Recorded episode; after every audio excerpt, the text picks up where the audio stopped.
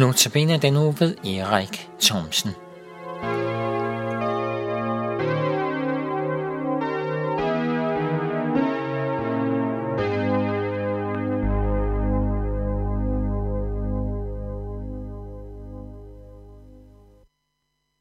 Velkommen til Notabene, Københavns Nærradio. Dagens andagt handler om to mennesker. Den ene møder vi og det gamle testamente, og den anden i det nye testamente. Og lad mig starte med manden fra det nye testamente, Nathanael. Det var hans navn. Nathanael, han havde et spørgsmål, da hans ven Philip kommer hen til ham og opfordrer ham til at møde Jesus. Nathanael har det spørgsmål, som så mange andre har haft før ham. Kan noget godt komme fra Jesus? Han siger, kan noget godt komme fra Nazareth, fordi det var der, Jesus kom fra. Men der ligger egentlig det samme i det. Hvad kan noget godt egentlig komme fra Jesus? Nathanael tvivlede på, at Jesus kunne. Han tænkte videre, at han jo bare var fra Nazareth. Ikke agtet, ikke umiddelbart en lært mand. Nej, jeg tror ikke, at, at ham Jesus har noget til mig. Men dertil tog han fejl. Filip, hans ven, vidste bedre, for han havde selv oplevet det. Og han havde oplevet det så stærkt, at han måtte fortælle Nathanael om det. Og ved du Philip, han, han, han ønskede virkelig, at Nathanael også skulle få et møde med Jesus, fordi han selv havde fået et helt andet liv ved at leve med Jesus. Og Nathanael blev til sydlandet, så øh, øh, øh, jeg er sikkert både overrasket, men også overtalt af at se Philips glæde og hans vedvarende kald. Kom, Nathanael! At han gik med Philip. Og jeg kan love dig for, at Nathanael både blev overrasket, men også forandret. Ja, Jesus havde noget at give ham, som han ikke lige havde ventet. Det havde han ikke lige set komme. Det er jo sådan et udtryk, som vi kan bruge i vores tid. Den havde jeg ikke lige set komme. Og nej, det havde Nathanael ikke. Men han fik åbnet hans øjne. Mere rigtigt kunne man sige, han fik åbnet hans hjerte for Jesus. Han fik simpelthen åbnet hans hjerte for Jesus.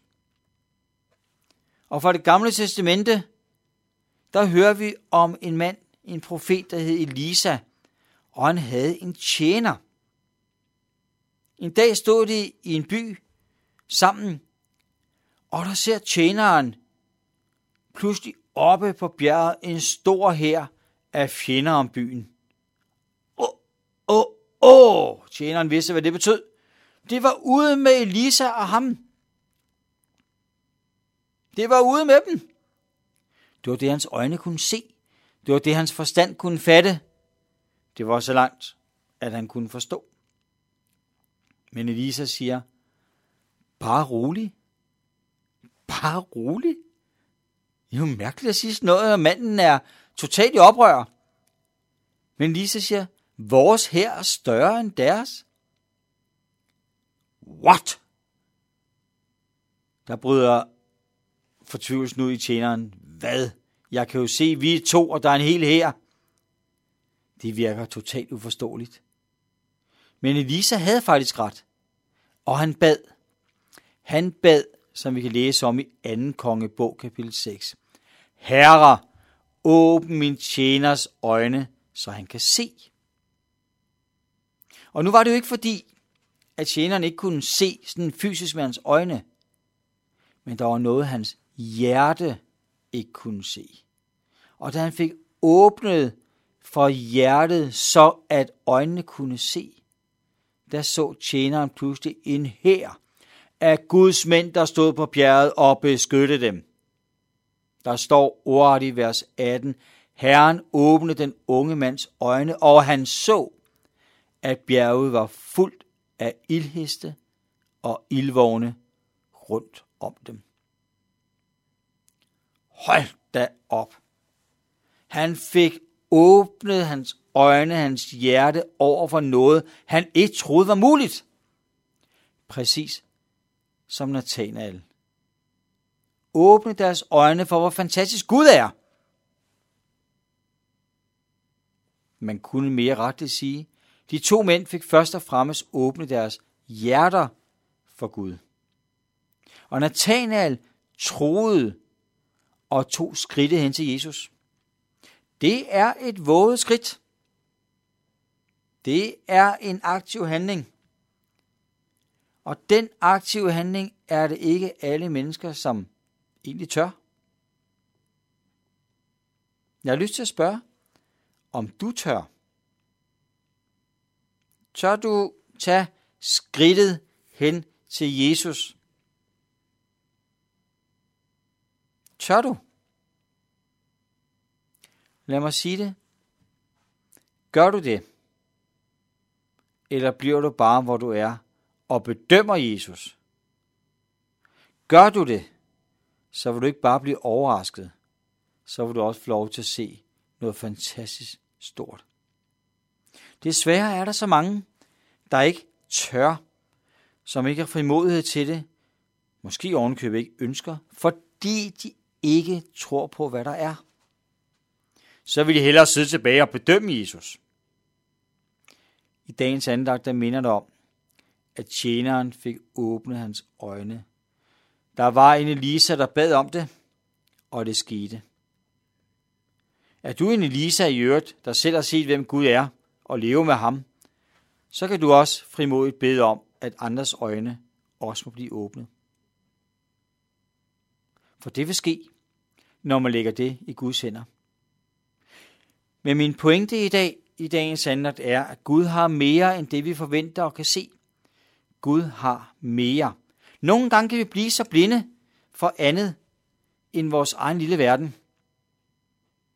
Jeg tænker nogle gange på en fugl, der tror, at verden er det bur, som den sidder i og ganske lidt kan flyve i. Måske oplever den at komme ud og flyve i en stue. Men det er jo kun en del af en kæmpe verden. De fleste stuefugle vil aldrig komme til at opleve den helt store verden. De vil forblive fanget. Desværre er der mange mennesker, der også forbliver i deres egen lille forståelsesverden. Jeg tænker ikke på, at de ikke rejser til andre lande, men i deres egen lille forestillingsverden. Og det er rigtig, rigtig både ærgerligt og synd. At det med Gud, det tænker de ikke på. De tænker måske slet ikke på, at der er noget til dem. De føler måske, at det går for tæt på. Det er synd, og de går glip af et perspektiv. Et perspektiv og et liv, som de ikke har set muligt. Men det er muligt at opleve mere. Det starter med at høre om Gud. Det starter med at lytte på taler eller læse i Bibelen. Det starter med at bede en enkel, lille, stille bøn til Gud. Det er begyndelsen. Det er et skridt til en vandring og et liv.